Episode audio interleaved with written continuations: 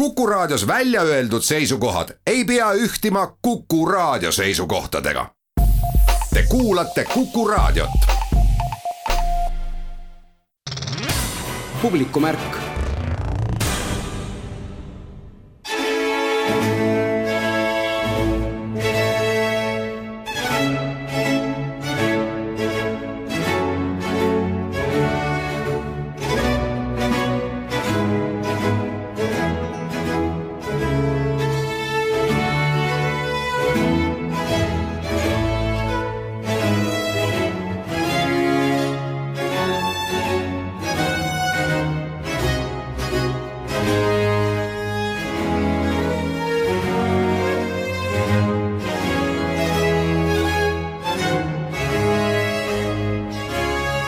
tere päevast, head kuulajad! kuku raadio eetris algas saade Publikumärk. saatejuhiks on Liis Seljamaa. tänase saate algus juhib tähelepanu Tallinna päevakontserdile Vaikus, elu, südametunnistus. Tallinna Kammerorkestri kontserti kantakse veebikontserdina üle Mustpeade majast. Joel Remmel triolt on ilmunud viies album pealkirjaga Kevad. see oli valmis juba kolmekümnendal aprillil albumi esitluskontserditeni jõutakse aga alles suvel-sügisel. kirjastuselt Petrone print on valmimas uus sari. seda võib nimetada meie sarjaks ja kirja on pandud seal tarkusi ja lugusid Eesti maaelust. Arvo Pärdi Keskus Laulasmaa avab residentuuri programmi, pakkudes eri valdkondade kunstnikele võimalust otsida uusi ideid ja tegeleda oma loominguga Tartu Ülikooli kunstimuuseumis avati lõppeval nädalal uus näitus pealkirjaga Surmapale, eluvägi surimaskides. näitus on pühendatud elumälestusele ja väärtusele. saate kõige esimene intervjuu aga viib kuulajate mõtted septembrisse, kui ajaloolises Kreenholmi manufaktuuris toimuvad viiendat korda Narva ooperipäevad festivali juht on Julia Savitskaja ning lavastaja on nendel ooperipäevadel Neeme kuningas Julia, see teie niisugune soov selle algatamisel, kui te hakkate nüüd ajalukku äh, tagasi mõtlema, langes see nii-öelda nagu viljakale pinnasele? tegelikult ma esimest aasta ja teist aastat tegin Narva linnuses, see oli väga selline väike festival. ja siis äh, ükskord ma käisin Kreenholmis ja mõtlesin, et Äh, linnustes äh, väga paljud teevad ooperifestivalid, aga selles, et see oleks endine manufaktuur või ketrusvabrik, jah, sellest ma ei ole kuulnud, et keegi teeks seal ooperifestivali. ja siis ma nägin, seal oli väga sobilik ooperi jaoks hoov, sisehoov, no väga raske kirjeldada, aga see on väga hästi sobib ooperipäevade jaoks ja telk mahub sinna ideaalselt ja mõtlesin, kohe seda nägin ja akustika oli lihtsalt suurepärane, et eelmisel aastal tegime, siis ma proovisin, tegime ja oli väga hea, et akustika mulle hästi meeldis, ma olin ise ooperilaulja ja ma siis siis proovisin seal enne koha peal ja laulud natukene, hääl lendab, ma mõtlesin, et see on lihtsalt ideaalne. üle-eelmisel aastal, aga esimest korda me tegime siis, kui festival oli kolm, sai kolmeaastaseks tegime festivali ühes sisehoovis. seal ei olnud nii hea akustika, aga mulle meeldis, et inimestel oli huvi ja siis, kui me tegime eelmine kord, kui see oli neljas aasta, juba suures sisehoovis, kus me püstitasime ooperitelki nagu teised ooperifestivalid teevad, seal oli juba väga-väga tore ja huvi publiku poolt oli väga suur, eriti eriti väliskülalised, soomlased ja venelased, kelle jaoks seal nii-öelda eksootika ja samas ligipääs on väga lihtne ja Ida-Virumaa on praegu hästi selline atraktiivne, et see kõik sujus väga hästi ooperitelk tuleb sel aastal ka, nii et äh, selles mõttes kõik on nii, nagu peab ooperifestivalil. ooperitelk tuleb ja, et ta tuleb ka katusega ja esimene aasta me eksperimenteerisime ja nüüd äh, me saime teada oma miinustest ja plussidest ja sellel aastal teeme nii, et arvestame sellega, et see aasta tuleb veel paremini kindlasti üks sündmus, mida te tähistate seal, on Sergei Prokofjevi saja kolmekümnes sünniaastapäev. tema on siis üks autoritest, kelle loomingut seal mängitakse kuidas te selle kava üldse niimoodi paika panite, oli seal omavahelist ettepanekute tegemist, et kelle sõna peamiselt peale jäi? No tegelikult praegu mul on selline vabadus et ma olin kunstiline juht ja ma hakkan mõtlema, et milline muusika mulle meeldib ja mõtlesin, et Prokofjev on üks minu lemmikutest heliloojatest, see aasta on juubel, et tuleks kindlasti teha midagi Prokofjevist. mulle meeldib midagi laste jaoks teha alati, sest lapsi tuleb välja õpetada, et tuleb teha nii, et nad harisid kultuuriga juba lapsepõlvest, et Peti ja hunt on väga-väga tore poeetiline muinasjutt, kust lapsed saavad teada pillidest, õppida pilli, õppida orkestri samas see on äh, põnev ka täiskasvanutele. see aasta on keeruline, et me ikkagi iga aasta proovime midagi lavastada, eelmine kord see oli Juku muusikal ja see aasta mõtlesin, et teeme midagi väiksemat, sellepärast no aasta oli keeruline, et äh, ma nagu ei julgenud midagi suurt teha, aga samas see on minu arust on väga ilus ja tore etendus. Neeme kuningas ongi Peetja ja hundi lavastaja, eks ole, lugu on ju teada, ma vähemalt äh, eeldan, et see on teada, et kas see on niisugune klassikaline Peetja ja hundi lavastus või on mingisuguse oma keeruga? eks kõik need äh, lavastused äh, alati kukuvad välja erinevad, sellepärast et on erinevad orkestrandid, erinevad jutustajad, erinevad dirigendid. see teos ise on selline, et nagu Julia ütles, et ta on lastele, ta on väga värvika äh, muusikaga, noh lastel on seal hästi palju sellist toredat, sellist akustilist, ma ei saa öelda äratundmisrõõmu, aga kui seal pardikesed paterdavad ja, ja jahimehed ja seesama Peetja ja Marsip ja Hunt, et need lood hakkavad tegelikult, äh, või see lavastus hakkab võib-olla põhiliselt ikkagi nende laste peades toimuma, et, et nad kujutavad seda ette, meie püüame siis neid sellest natukene aidata ja, ja lihtsalt markeerida, et, et seal peategelaseks on ikkagi orkester ja, ja noh, need helid. ja eks me püüame, ütleme ka lugupidamisest ju Prokofjevi vastu, olen just parasjagu tegelemas, et ähm, natukene põhjalikumalt võib-olla uurida välja neid ajendeid, miks ta selle loo üldse kirjutas, no ütleme põhimõtteliselt me seda kõike kõike nagu teame, aga et võib-olla on seal kuskil veel peidus midagi, kus ta annab mingeid näpunäiteid või, või et noh, siis seda tahaks nagu väga autentselt ära kasutada. aga noh, põhiliselt ikkagi sellised lavastused, noh orkester on ju laval, et need ongi nagu need tegelased, et nad ikka sünnivad suuresti just selliste noh, proovide käigus ja, ja usun, et seal nii dirigent kui ka see jutustaja osatäitja aitavad seal fantaseerida, et noh, mina võib-olla olen seal pigem nii-öelda nagu abiks ja suunan ja selline mõte on praegu laval on siis Narva Linnaorkester ja dirigent Anatoli Šura, milline teie koostöö varasemalt on olnud? Minul ei ole olnud temaga koostööd, et ma lihtsalt olen kuulnud küll, et Narvas on üks selline tubli äh, orkester ja tubli muusik ja tegelikult olen oodanud ausalt öeldes seda koostööd ja mul on väga hea meel, et Julia, et nemad nii-öelda kahekesi omavahel äh, lõpuks kokku said ja see on ju täiesti loomulik, et äh, kui on Narvas selline tore orkester ja on ooperipäevad, et sellest sünnib selline tore viljakas koostöö. ja see koht ise, see Kreenholm, elasime ka siin Juliaga seal ka sellistes kohtades, kuhu siiamaale ei ole üldse veel publik pääsenud ja, ja avastasime seal ka selliseid väga huvitavaid kohti, kus võib-olla isegi nagu sellist spetsiaalset dekoratsiooni pole isegi nagu vaja, loob selle atmosfääri või on nagu need kulissid, et seal on eriliselt äh, oluline noh, millised teosed sinna sobivad. et noh, hetkel on ka Narva ooperipäevadel koostöö Jeruusalemma ooperifestivaliga, mis pidi küll olema juba eelmisel äh, sügisel, kuid äh, noh, seoses pandeemiaga jäi see soiku lihtsalt, sealt ei pääsenud lauljad ja orkestrandid tulema, sel sügisel sügisel tahame selle siiski teoks teha ja teoseks on äh, Puccini ooper Boheem, mida ma siis Jeruusalemmas lavastan. kas nüüd füüsiliselt kohal olles saab näha, eelmisel aastal, kui ma tegin Butterfly, siis istusin mina Käsmus ja lauljad äh, Jeruusalemmas. tuleb olla optimist ja, ja, ja ma usun, et ka see koostöö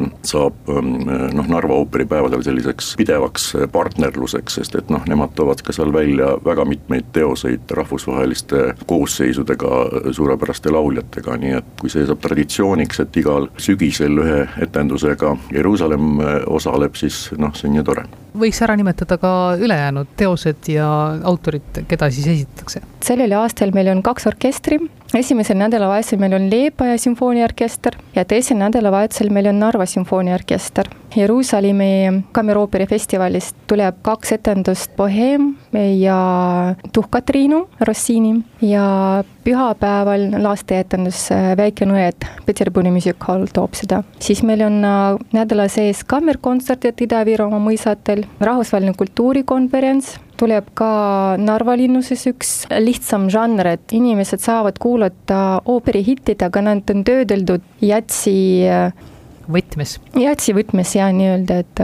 ja see toob üks ansambel, mille juht on äh, Toivo Und, ta on äh, Rahvusooperi Estonia bassimängija, nad tegid seda ka teistel ooperifestivalidel ja noh, väga tore, ma arvan, see. ja siis äh, meil tuleb iga päev ka ekskursioonid, et Kreenholmi ekskursioonid, Vana-Narva linna maketi ekskursioonid toimuvad siis Gorgo Otsa nimeline muusikakool tuleb meile ja tutvustab kahe erialadega, mida nad toovad Narva, tulevad nagu kursused, et inimesed saavad lisateadmised juurde. praegu ei tea, kas nad tulevad tasuta, tasulised, aga nad tulevad ilmselt juba alates selle aasta septembrist, et Narva saab ka uut eriala endale õppida. teised nädalavahetuselt äh, meil on ooperigala, rahvusvaheline ooperigala, kus on solistid Mihhailovski ooperiteatrist, Maria ooperiteatrist, Islandilt ja Rootsist ja Fideli ooper, Beethoveni Fideli ooper, et eelmisel aastal oli see Beethoveni juubel kakssada viiskümmend aastat, nüüd me tähistame seda sellel aastal. Ja Reykjaviki ooperifestival toob meile ka lastele kammerooperit Bon Appetit, see on kaasaegne ooper, mis kestab kakskümmend viis minutit ja seal jutustatakse, kuidas teha šokolaadikooki ja lapsed saavad seda pärast maitseda väikest tükkikest. ja samal päeval ka tuleb see Peeti Hunt Prokofi poeetiline muinasjutt, ehk siis pühapäeval meil on kaks lasteetendust. publikumärk Tartu Ülikooli Kunstimuuseum andis juba üsna varakult teada, et nemad kasutavad seda suletud olekut selleks, et valmistada ette uut näitust surimaskidest. ja võib-olla selle tõttu on see näitus ka noh, saanud juba enne avamist niisugust nagu elavat tähelepanu. selle näituse projektijuht ja üks kuraatoritest on Ken Ird. no natukene vaadates aknast välja, mõjub see teema ja see näitus ise ka võrdlemisi morbiidselt, et sellisel ilusal kevadisel päikesepaistelisel ajal, aga võib-olla see on just üks põhjus, miks see praegu praegu avada. jah, miks mitte, surm on ju tegelikult elu osa ja seda me kajastame ka väga selgelt oma näituse pealkirjas. surmapale, elu, vägi surimaskides. et just selle mõttega, et ühelt poolt küll näidata läbi nende surimaskide seda surma poolt, aga rõhutada just ka seda põhjust, miks need surimaskid on võetud ja miks need inimesed on Eesti kultuurile, teadusloole olnud tähtsad ja olulised, nii et on peetud seda oluliseks, et neilt võtta surimask see on niisugune kaduv kunst, mulle tundub tänapäeval ütleme niimoodi, seda nagu ei afišeerita, eriti kui kellelgi surimaski võetakse. aga arvestades, et Kalju Komissarovi mask on sellel näitusel siin viimane, siis äh, võrdlemisi hiljuti ikkagi on seda tehtud. selline surimaskide võtmise traditsioon hakkas hääbuma Eestis seal tuhande üheksasaja seitsmekümnendate alguses, aga see viimane on tõesti ju kahe tuhande seitsmeteistkümnendast aastast ja praegu ta, kui ta elus on, siis eeskätt just kultuuritegelaste kunstnike ja teatritegelaste seas, sellepärast et seal on alles veel see oskusteave, kuidas üldse inimese näost maski võtta. aga selle populaarsus kuni kahekümnenda sajandi keskpaigani oli tegelikult küllaltki suur, et enamik nendest surimaskidest, mis meie näitusele on jõudnud, ongi just pärit kahekümnenda sajandi esimesest poolest. kui nad võeti, siis oli neil kindlasti mälestuse väärtus. reeglina, kui nad võeti, siis nad esialgu sattusid ka omaste kätte. alles siis hiljem on nad edasi annetatud antud erinevatesse mäluasutustesse. Tartu Ülikooli kunstimuuseumil on endal neid eh, surimaske ka ja võib öelda, et eh, mõned neist on ikka väga väärtuslikud ja ei ole enam lihtsalt kultuurilooline väärtus, vaid midagi rohkemat Tartu Ülikooli Kunstimuuseumil on äh, meie väljapanekus kõige vanem surimask, Immanuel Kanti, kuulsa saksa filosoofi surimask, pärit tuhande kaheksasaja neljandast aastast ja omab tõepoolest, võib öelda tõesti Euroopa ja terve maailma kultuuriloo kontekstis hindamatut väärtust. nii et seda tasub kindlasti vaatama tulla. aga meil on siin kokku Tartu Ülikooli kogudest, Tartu Ülikooli muuseumist ja ka Tartu Ülikooli raamatukogust kokku siis kaheksa surimaski ja sellele lisaks siis ka teistest Eesti mäluasutustest kakskümmend surimaski, nii et kokku kakskümmend kaheksa surimaski on siin võimalik äh, üle vaadata. Võib ju küsida, et kuidas äh, teha surimaskidest ikkagi nagu niisugust huvitavat näitust. see on üks küsimus. Ja teine küsimus, et aga mis seal siis nüüd nii keerulist on, et surimaskid on olemas, nendega teha ei ole ju vaja midagi, paned nad lihtsalt kuskile kohta, kus inimesed neid näevad ja ongi valmis. Nende samade küsimustega juurdlesime meie ju kaaskuraatori Anu Raega ja siin on, tuleb leida see tasakaal. meid aitas selles meeletult palju ka näituse kunstnik Kristjan Suits ja graafiline kujundaja Katre Rohumaa, kes on teinud minu hinnangul imepärast tööd ja suutnud luua siia, võiks öelda, et lummava keskkonna, kuhu need surimaskid imepäraselt sobivad ja kus nende eluvägi minu hinnangul väga hästi esile tuleb oskus inimese näost võtta mingi jäljend on teinud läbi mõningase arengu. ehk siis, kui vanasti võib-olla surimaskide võtmine oligi nagu ainus võimalus, kuidas see näojäljend kätte saada, täna saab neid võtta ka elavalt inimeselt, eks ole. seetõttu ma arvan, et ega see kunstist nagu päriselt välja ei sure ja võib-olla, mine tea, teeb nagu taastulemise või see võib täiesti nii olla, näiteks Saksamaa matusebürood pakuvad täiesti surimaski võtmise teenust. on mitmeid kunstnikke kui kunstiharidusega matusebüroo pidajaid, kes sellega regulaarselt tegelevad, nii et see kunst on tegelikult elus ei ole kindlasti nii populaarne, kui oli omal ajal, aga kes teab ja äkki meie näitus aitab sellele kaasa. siin saab näha ka, kuidas ütleme, tänapäeval see praktiliselt käib. tõesti, et selleks on tehtud video, kus mina ja minu kaaskuraator Anu Rae andsime siis oma näo meie konservaatori Kristiina Ribeluse kätte ja tema siis oli see, kes võttis meie näomaski üsna sellise tehnikaga, nagu võetakse maskiga surnud inimeselt. ja meie näomaskid on ka näitusel väljas ja neid on võimalik ka katsuda, et kui surimaske, mis meil näitusel väljas on, katsuda ei saa, siis meie endi näomaske võivad kõik järele proovida, mis tunne on, kui sa võtad inimese näo enda kätte, see on päris kummaline, aga tore ka see näitus on siin ruumides väga sobilik, ehk siis püsiekspositsiooniga, mis koosneb ka valdavalt kipskujudest, lähevad need näod ja maskid väga hästi kokku. see on tõsi, kips on kõige tavalisem, kõige levinum materjal, millest surimaski on võetud, see on kõige lihtsam materjal meil on siin ka üks surimass Gustav Tammani, keemiaprofessori surimass, kes üheksateistkümnenda, kahekümnenda sajandi vahetusel töötas siin Tartus, aga läks hiljem edasi Saksamaale. tema surimask on näiteks pronksist ja väga eriline surimask on meil ka vahast. selle surimaski vanust on just sellel aastal saab täis sada seitsekümmend aastat ja see on Tartu Ülikooli keemiaprofessori Friedemann Goebeli surimask ja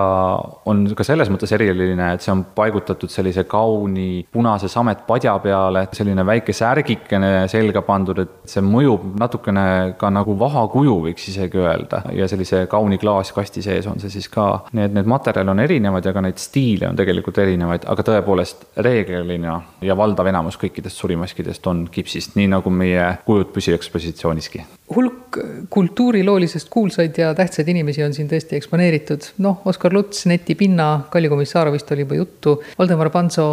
Konrad Mägi, aga ka näiteks Aleksander Puškin, mille puhul on spekuleeritud ka, kas see tema surimask on originaal või mitte. kui oluline see originaalsus üldse nende maskide juures on, nagu iga kunstiteose puhul? jah, eks selle üle ju vaieldakse, aga kui nüüd mõelda nüüd jälle sellesama eluväe peale, siis kindlasti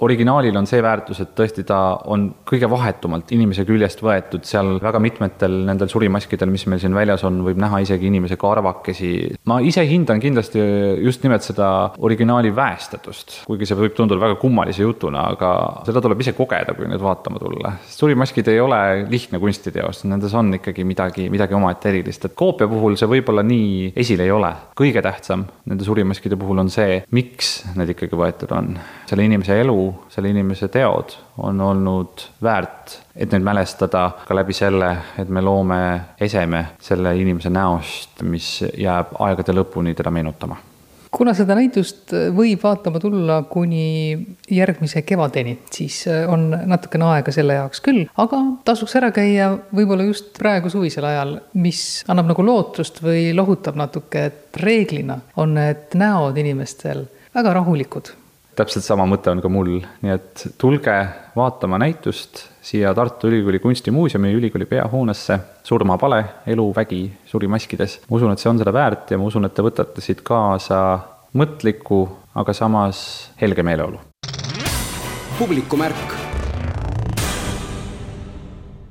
ka Arvo Pärdi keskuses oodatakse inimesi Arvo Pärdi keskus on teada andnud, et avab residentuuri programmi, pakkudes eri valdkondade kunstnikele võimalust otsida uusi ideid ja tegeleda oma loominguga. Arvo Pärdi keskuse programmijuht Riin Eensalu, räägime kõigepealt sellest, kas tõesti võib tulla loominguga tegelema siis ükskõik missugune kunstnik, sinna võib tulla ka kunsti tegema, võib tulla muusikaga tegelema, aga mingisuguse muu kunstiliigiga ka tõepoolest nii see on, et kuigi tegu on heliloojaga seotud keskusega, siis äh, tegelikult ei pea siinne loometegevus olema tingimata üldse mitte seotud ainult muusikaga või klassikalise muusikaga, vaid siin sellises äh, avaras tühjas metsavaatega toas on tegelikult võimalik teha mis tahes loomingu valdkonnaga seotud kunsti. võib-olla me olemegi seda nagu tunnetanud sellise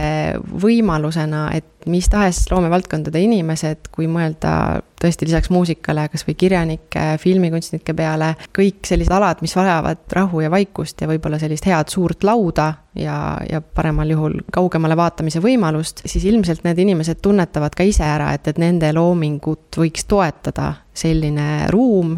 ja tõepoolest need märksõnad, mida me siin keskusega seoses võime nimetada, ongi pigem rahulik tempo, aja võtmine, vaikus, loodus, et kui need märksõnad võivad inimest kõnetada, siis see võiks olla see sihtgrupp kunstnikke, kes siia ilmselt ka teel leiab. no inspireeriv on see ümbrus igatahes, see looduskeskkond, aga ka see maja ise nii on ja tegelikult eh, just sellise inspiratsiooni kogumiseks või sellest ideest lähtuvalt eh, kogu see resideerimise teema nii-öelda laual ongi olnud. nimelt et seesama Laulasmaa ja Lohusalu poolsaar on ju aastakümneid olnud selline loominguline piirkond, siin lähedal asub Heliküla, kus ammusest ajast peale on suvitanud või lausa elanud mitmed heliloojad, muusikainimesed, ka kirjanikud, siis ongi juba algusest peale olnud meil selline idee eh, anda võimalust eh, siin inimestel töötada mõte ju sai sisse planeeritud juba arhitektuuriprogrammi, selliseks tegevuseks ruumi võimaldada. et selle residentuuri selline peamine, ütleme, füüsiline punkt on tõesti selline avar loometuba, mille üks sein ongi siis tõesti klaasist ja vaatega Männimetsa ja siin on olemas erinevad lauad ja võimalused istuda ja töötada ka mitmel pinnal võib-olla, aga tegelikult muidugi ka majas olevad teised ruumid ja võimalused ja kasvõi meie raamatukogu kasutamine või muusikute puhul ka mõnede olemasolevate instrumentide kasutamine kogumine, nii et see inspiratsiooni kogumine on siin tõesti selline märksõna. kas korraga saab olla kohal ainult üks resident? nii see mõeldud on jah, võib-olla mõnedes residentuurides ongi selle töö tegemise selliseks oluliseks ja täiesti arvestatavaks kaasnähtuseks ka see, et tutvutakse võib-olla teiste sama valdkonna kunstnikega, aga siin selle residentuuri mõte on jah, natukene individuaalsem ja just sellist keskendumist ja, ja endasse ja loomingusse süvenemist pakkuv see, mida me praegu laiemalt välja oleme kuulutanud, on seotud sellega, et me aasta jooksul soovime ka selliste kõikide kulude katmise näol siis siin võõrustada kahte residenti, aga tegelikult see võimalus kasutada kas sedasama loometuba või ka mõningaid teisi ruume meie majas, et see on avatud aastaringselt, et selles osas tasub lihtsalt igal hetkel otseühendust võtta. aga kaks korda aastas välja antav selline stipendium ongi mõeldud võib-olla nendele kunstnikele, kes teavad, kas, et neil on käsil mõni suurem projekt või mõne suurema projekti näiteks mingisugune suur etapp vaja läbida, et siis me oleme mõelnud seda residentuuri kuni nelja nädala pikkusena, mille jooksul me siis tõesti toetame ja katame kõik vajalikud kulud alates siia Laulasmaale jõudmisest, nende ruumide kasutamiseni ja soovi korral ka majutusega. keskuses endas küll majutusvõimalust ei ole, aga siin lähedal asub Laulasmaa spa ja soovi korral on võimalik ka seal siis selle residentuuri raames ööbida selle stipendiumi taotlemise tähtajad ongi mai lõpus ja ka septembri lõpus, nii et kes ja. nüüd kevadperioodil tahaks seda stipendiumi, see peaks hakkama kindlasti mõtlema selle kirjutamise peale. Nii oleks hea ja tegelikult ongi suur rõõm, et juba kohe mai algusest, kui see sai välja hüütud, ongi meile juba päris palju taotlusi tulnud ja mis teeb erilist rõõmu, et on tulnud tõesti väga erinevate valdkondade inimestelt neid sooviavaldusi kas Arvo Pärdi keskuses on praegu noh, ka selline kuidagi nagu avanemise tunne nagu paljudel kultuuriasutustel. ühest küljest toimus teil ju kontserte ja sai vaadata näitust siin hiljuti, teisest küljest ei ole Arvo Pärdi keskuse otsene ülesanne just nagu mingeid publikule avatud üritusi pakkuda, et need tulevad lihtsalt sellega tegevusega kaasa tõepoolest jah, meie jaoks oli see selline väljalülituse periood võib-olla veidi teistsuguse iseloomuga kui mõnele teisele asutusele, sest et meie südameks siin keskuses on ju ikkagi olnudki Arvo Pärdi arhiiv ja see arhiiv ju tegutses tegelikult kaheksa aastat juba enne, kui üldse see uus maja valmis sai. nii et tööd äh, Arvo Pärdi materjalidega ja tema endaga seotud sellised vestlused mis puudutavad mitmeid, mitmeid teoseid ja küsimusi, mis arhiivitöös võivad ette tulla. et seda tööd oleme me saanud, isegi võiks öelda rahulikult jätkata, aga teisest küljest loomulikult me oleme väga oodanud ja ootel, et et ikkagi saaks siin majas taas kuulata elavat muusikat ja loomulikult oleme väga ootel kontserdite korraldamise lubamise eel. nüüd veel selle nädala pühapäevani on meil veel üle, üleval see näitus, mis veebruarikuus sai avatud, Kaupo Kikkase selline fotorännak nimega Ansel. et seda võib veel pühapäevani vaatama tulla ja, ja peale seda juba astub meil üles Tallinna Kammerorkester kahekümne teisel mail see on siis selline veel justkui sellise avanemise eeltaktiks selline kontsert, mida saab vaadata meie uues striimi keskkonnas ja peale seda tõesti juba juuni alguses väga loodame, et saab hakata korraldama ka teisi kontserte. Kontserdid igal juhul on juba olemas ja kontserdid on tegelikult olemas äh, siin meie enda graafikus juba detsembri lõpuni. me oma kodulehele proovime need panna sellel hetkel, kui tõesti on ka teada, et neid korraldada saab. et eks see on olnud paljudele korraldajatele selline väga äh, suur katsumus selle perioodi jooksul kogu aeg äh, mõelda ja siis ümber mõelda ja siis ümber ajastada ja, ja ümber sättida kõiki oma neid kalendreid, et kas mõni kontsert või tegevus ka kahetsusväärselt jääbki ära nüüd tänu sellele, et uued kontserdid lihtsalt tahavad tulla? Tegelikult häälestame selles suunas, et ikkagi kõik, mis on planeeritud ja harjutatud ja kokku lepitud, et need saaksid toimuda, aga samas võib tõele näkku vaadata, et, et ka mõni kontsert, mis juba nüüdseks üle aasta tagasi oli planeeritud just välisesinejatega seoses, et nende osas meil ega väga suurt kindlust veel ei ole, et millal need esinejad siia päriselt saaksid tulla, et see on ühest küljest seotud reisimisega, teisest küljest ka sellega, et kui suur kollektiiv üldse tohib laval olla ja ikka edasi, et kui palju publikut saali tohib tulla ja kõik sellised nüansid, aga praegusel hetkel tegelikult ikkagi ühtegi asja päriselt maha tõmmatud ei ole, et loodame, et kõik toimub. loodetavasti publik on algusest peale juba leidnud tee sinna Arvo Pärdi keskusesse. Ja et meil on selline armas kammersaal, sada viiskümmend inimest sinna tavaolukorras mahub ja isegi kui praegust äh, algab see uus hooaeg viiekümne protsendi täituvusega, siis ka see seitsekümmend viis inimest on arvestatav publik ka muusikute jaoks, kes ei ole ju tegelikult ikkagi väga kaua juba saanud mängida sellises tavaolukorras inimestele ja ometi see muusikute ja publiku vaheline sünergia on ju tegelikult see, mis, mis meid kõiki toidab ja mida me kõik väga igatseme. publikumärk kirjastuse Petrone print värskeimat raamatusarja võib nimetada meie sarjaks ja see on nüüd küll, võiks öelda, puhtalt Eesti maaelu käsitlev sari. selle kõige esimene raamat kandis pealkirja Meie kalkunid lisandunud on meie mesilased, meie taluelu, meie kitsed ja meie kodulinnud on järge ootamas. Epp Petrone on selle sarja algataja, küllap Epp ilmselt ka selle tõttu, et sa ise oled nüüd viimased aastad maainimene olnud taas. küllap jah, sellepärast, kuigi see tunne, et me tahaksime teha midagi sellist nagu poolpraktilist ja kogemuslugusid, mis väärtustaks mitte äraminekut, vaid Eestis elamist. see tunne oli meil kirjastuses juba mõni aeg enne seda, kui mina otsustasin kogu täiega oma maakoju kolida aastaringselt. et me käisime kusagil niimoodi raamatumessidel ja see oli mitu-mitu aastat tagasi. nägime igal pool erinevates nišides erinevate kultuuride, keelte raamatuid, mida on võimalik eesti keelde tõlkida, tavaliselt on ikka mingisugused asjad vaja seal ümber toimetada ja siis me ikka arutasime sealsamas Frankfurdi raamatumessil, et miks ei ole Eestis meil endal sellist mõnusat sarja, noh, tegelikult eks neid on ju ka, aga just see, et me tahaks teha sellist, et ta ei oleks mitte lihtsalt praktiline, vaid ta annaks seda tunnet edasi, seda emotsiooni, et mis tunne on olla kasvatada ja, ja olla sõltlane sellest mis iganes maaelu aspektist seal siis olgu need siis taimsed või loomsed või linnulised. mõtisklesime selle üle ja ilmselt jah, siis kui ma ise juba seal enda talus niimoodi toimetasin ja avastasin seda, kui palju on erinevaid teemasid, millest ma veel rohkem tahaksin teada ja siis me vaikselt alustasimegi no sinul endal oli just nendest praktilistest nõuannetest äh, puudus. ma ei peagi siin silmas võib-olla niisugust, äh, kuidas öelda, noh, aiapidaja käsiraamatut, pigem nagu seda teadmist, äh, mis on kogutud nii-öelda maal elamise käigus aastakümnete ja aastasadade jooksul. Jaa, ma arvan, et sellest jääbki puudus, et on teatud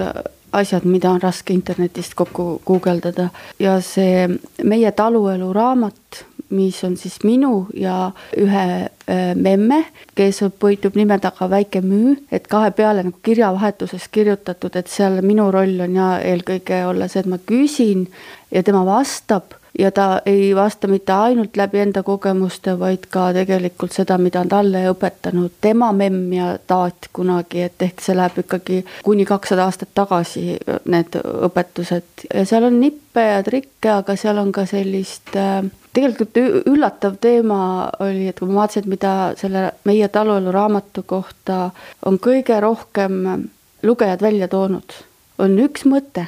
pärast jaanipäeva sa tegelikult rohid oma peenraid eelkõige naabritele meeldimiseks ja see rahu, mis sellest mõttest tuleb, et tegelikult, et sa oled oma taimed pannud kasvama, on ju, sa hoolitsed nende eest suve esimesel poolel nii hästi, kui sa saad, et sa annad neile võimaluse. aga edasi nad peavad ikka ise hakkama saama, et sa ei, ei tohi nagu lõksu jääda, et sa pead kogu aeg rohima ja rohima, vaid et sa lähed metsa. et tegelikult on meile vaja, sellest me räägime ka ikkagi, et kui väga on vaja seda metsas käimise, korilase, hinge sellist parandamist ja noh, muidugi on vaja ikka asju korjata ka aga samas ma mõtlen ka seda, et tegelikult ei ole selle meie sarja ambitsioon üldse mitte ainult neile inimestele meeldida, kes tahavad täiega maal elada. pigem kuidagi selline lugude jutustamine ja lõimimine, et ka need, kes elavad linnas ja mõtlevad siin, noh, see kõige värskem raamat näiteks Meie kitsed, et noh, mis värk nende kitsedega siis on, et teevad siis palju pahandust ka või. ja kuidasmoodi on karjas hierarhia, et ta nagu nii huvitavalt kirjutab sellest, mis on tegelikult väga hästi ümberpandav äh, poliitikasse, inimestevahelistesse suhetesse. kuidasmoodi võib juhiks saada keegi, kes on lihtsalt õigel ajal õiges kohas ja, ja mida tema siis selle oma juhi rolliga peale hakkab. et see ei ole lihtsalt ainult selleks, et kõik maale peaks kolima, ega maal ei ole lihtne, et seal on lihtsalt hoopis teistsugused füüsilised probleemid ja, ja kaob ära selline küsimus, et mingi jõusaal või niimoodi või meelelahutus või. et sinu jõusaal ja sinu meelelahutus ongi see, et sa oled ise kogu selle elustiili osa ja et sa oled noh, vinske, sest teistmoodi sa hakkama ei saa nendes raamatutes, mis selles sarjas praegu ilmunud on, no võiks öelda, et läbivalt tegelikult nagu kõik teemad äh, jooksevad ikkagi sisse, eks ole. kanad, kalkunid, kitsed, põllukultuuride kasvatamised, lilleaasa rajamised, võib-olla jah, mesilased on äh, sellised tegelased, keda teistes raamatutes nagu ei ole, et mesilaste pidamine nõuab natuke teistsugust lähenemist. aga ka mesilaomanikul on kanad ja ka tema siblib aias äh, ja teeb muidugi mesilastele oma lilleaasasid, nii et selles mõttes võib öelda, et natukene on see maaelu igal pool sarnane, aga ikkagi erisustega jaa, kindlasti, tavaliselt see tulebki paketiga. mina ise mõtlesin ka vahepeal mesilaste kasvatamise peale. noh, teema tuleb sisse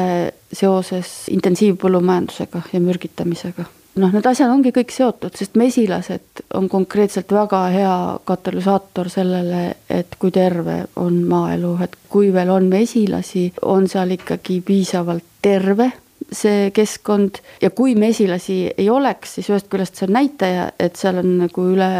mürgitatud ja teisest küljest on nii, et väga paljude taimede puhul ei hakka nad ju vilja kandma, kui ei ole putukaid, kes neid eh, niimoodi õielt õiele seda tolmu edasi kannaksid. ma juba kirjutan uut raamatut, kus ma sellest ka kõnelen, et kuidasmoodi permakultuuris on nagu erinevad tsoonid ja tegelikult ei ole üldse vaja seda, et su muru oleks kõik ära niidetud, et sa peaksid nagu vaatama seda, et sul oleks see koht, kus sa nagu kogu aeg kõnnid, aga sa peaksidki jätma aia tahaotstesse nagu sellisesse kaugemasse tsooni, seda, kus koha peal need putukad saaksid elada ja olla ja kuidasmoodi mina seda konkreetselt lahendan, et teen omale mingit päevalille heki sinna, et seda putukate tsooni siis selle taga siis saaks viljeleda. meil on tegelikult tulemas selles sarjas ka rohkem teemasid, mis annaks teha ka linna majapidamistes, aknalauad ja ütleme, lilleaiad ja noh, rohenäppudele ja lindude-loomade huvilistele sobilikud teemad tulevad ka väiksemas skaalas, aga praegu on jah, kõik sellised tõelised maakad, kes siin kirjutanud on. võib-olla seetõttu, et seni ilmunud raamatute autorid on kõik naised, on raamatutes ka ära mainitud seda, et üks peremees oleks ikka vajalik küll aga muidugi on peremees vajalik, kui ei ole, siis no tugev Eesti naine saab hakkama. läbi praegu ilmunud raamatute ja ka lähiajal plaanis olevate raamatute on mingis mõttes selline matriarhaatne Eesti maakultuur näha küll, sest meil on jah, tõesti kõik naisautorid hetkel. Aga meil on küll meestega ka läbirääkimisi ja tegelikult ikka mõni mees kirjutab ka ja tuleb kunagi, ma arvan. ideaalne maaelus on loomulikult see, et sul peaks olema talu, kus sul on nagu vanasti oli peremees, perenaine, sulane, tüdruk ja siis nii palju lapsi, et saavad kõik tööd tehtud ja seal talus peaksid olema ka vanaema ja vanaisa, kes õpetavad, on ju, ma ei kujuta ette, mitme käe sõrmedel võib Eestis sellised talud üles lugeda, kus oleks nagu tõesti tugev ja terve selline süsteem, aga noh saab ka niimoodi poole süsteemiga. otsin oma tasakaalu tegelikult, sellepärast et mulle tõesti meeldib seda taluelu teha ja samas mulle meeldib, et ma saan omale aja maha võtta ja kirjutada. et see, mida ma läbi elan, et ma sellest saan raamatuid teha. publikumärk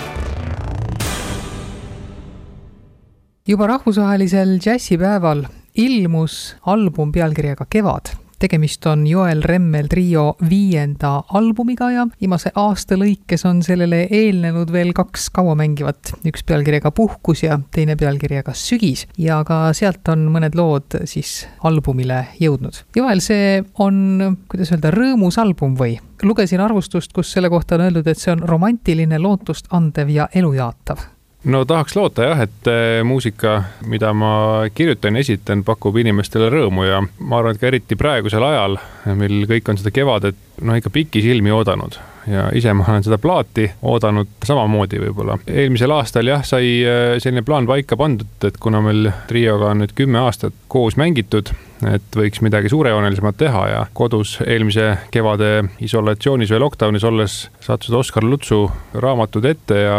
no mitte küll otseselt sellest inspireerituna, aga siiski selline väike tsükli moment albumite mõttes sealt välja koorus ka, et esimene neist puhkus siis ilmus juba eelmisel suvel ja kevad on siis selle nii-öelda, sõlmib selle kõik kokku talv on puudu ja ilmselt kunagi tuleb ka see selle kord, et mingi jõuluplaat teha, et midagi sellist siis veel, aga see on juba tulevikumuusika. aga kas kirjutades oli see ka pigem nagu niisugune lootustandev ja elujaatav tunne? kindlasti jah, või kui nagu kirjutamise seisukohalt mõelda, siis ma tegelikult ju enamasti kirjutan instrumentaalset muusikat ja siin on ka, enam ei saaks öelda katsetused, sest et varem on, on ka nagu päris laule kirjutatud, millele isegi sõnad olen loonud, aga need on, need on nii vähe, et ega sellest nagu päris sellist kindlust ei ole. aga eesmärk oli küll luua midagi sellist kerget ja täpselt lootusrikast, et võib-olla praegune maailm meie ümber ka on kohati nagu küllaltki tumedates toonides, aga ma arvan, et just läbi kultuuri, kunsti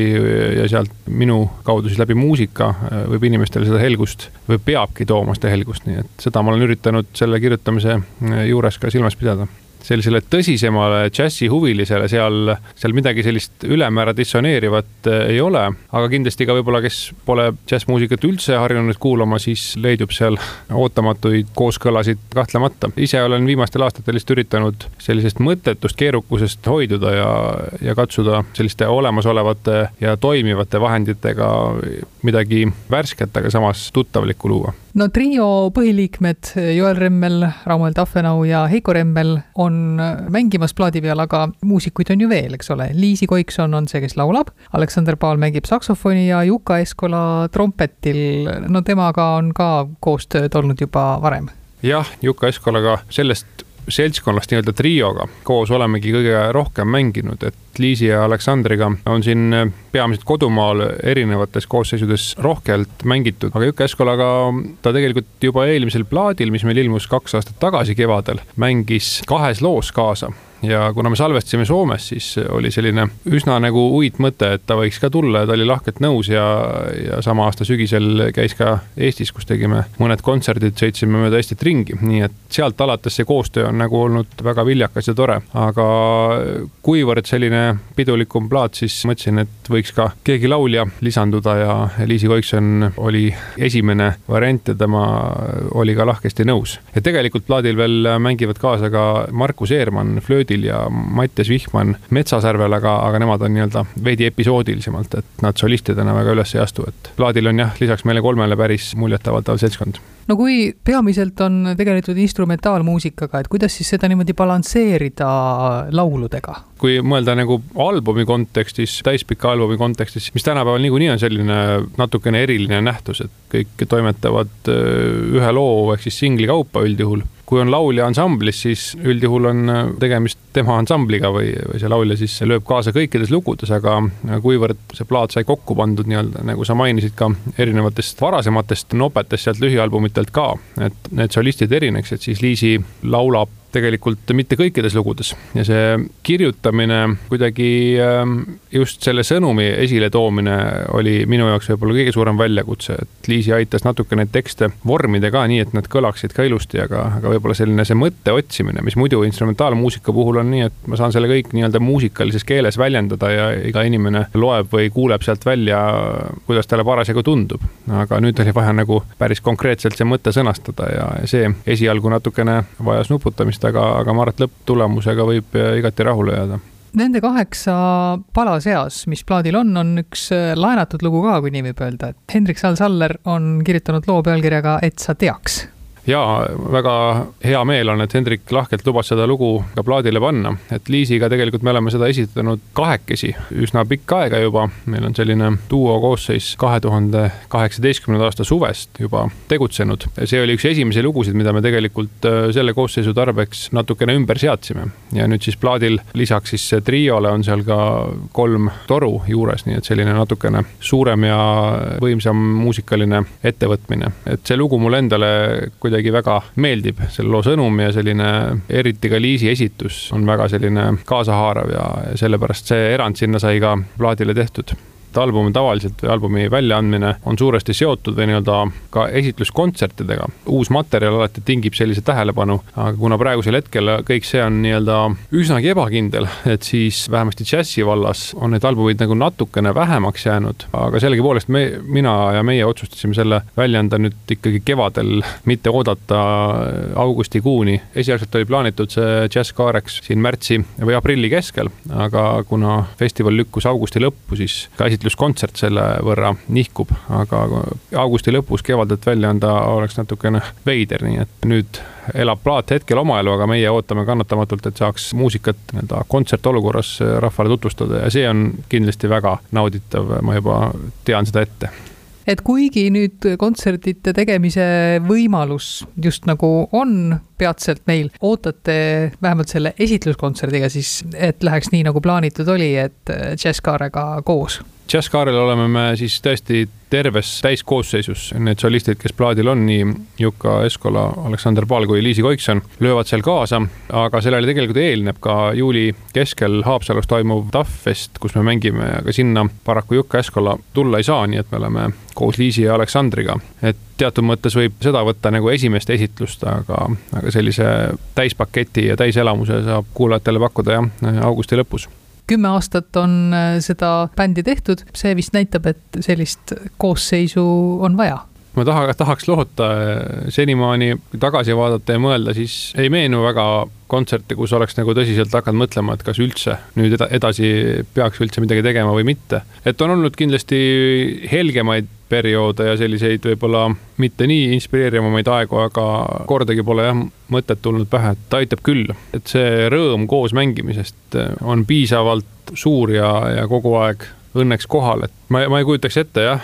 ilma Joel Remmel triota oma, oma tegemisi, et tõsi on, et ega, ega need kontserdid ju nii tihti ei toimu, et see, selle albumi kontekstis sai ka räägitud, et mingi uus materjal nagu justkui peaks olema, et jälle inimeste ette tulla või siis ütleme, ühe plaadiga äkki saab kaks ringi teha erinevates linnades, aga üldjuhul jah, selline uue muusika salvestamine on jällegi põhjus asja elus hoida ja, ja ka ise nii-öelda vaadata, et kus ma parasjagu nagu muusiku teel olen, milline muusika on see, mida ma täna just tahan äh, esitada et see on olnud põnev rännak ja, ja kümme aastat on läinud üsna kiirelt. eks näis, mida tulevik toob, aga, aga seni jah, välised olud murdnud ei ole.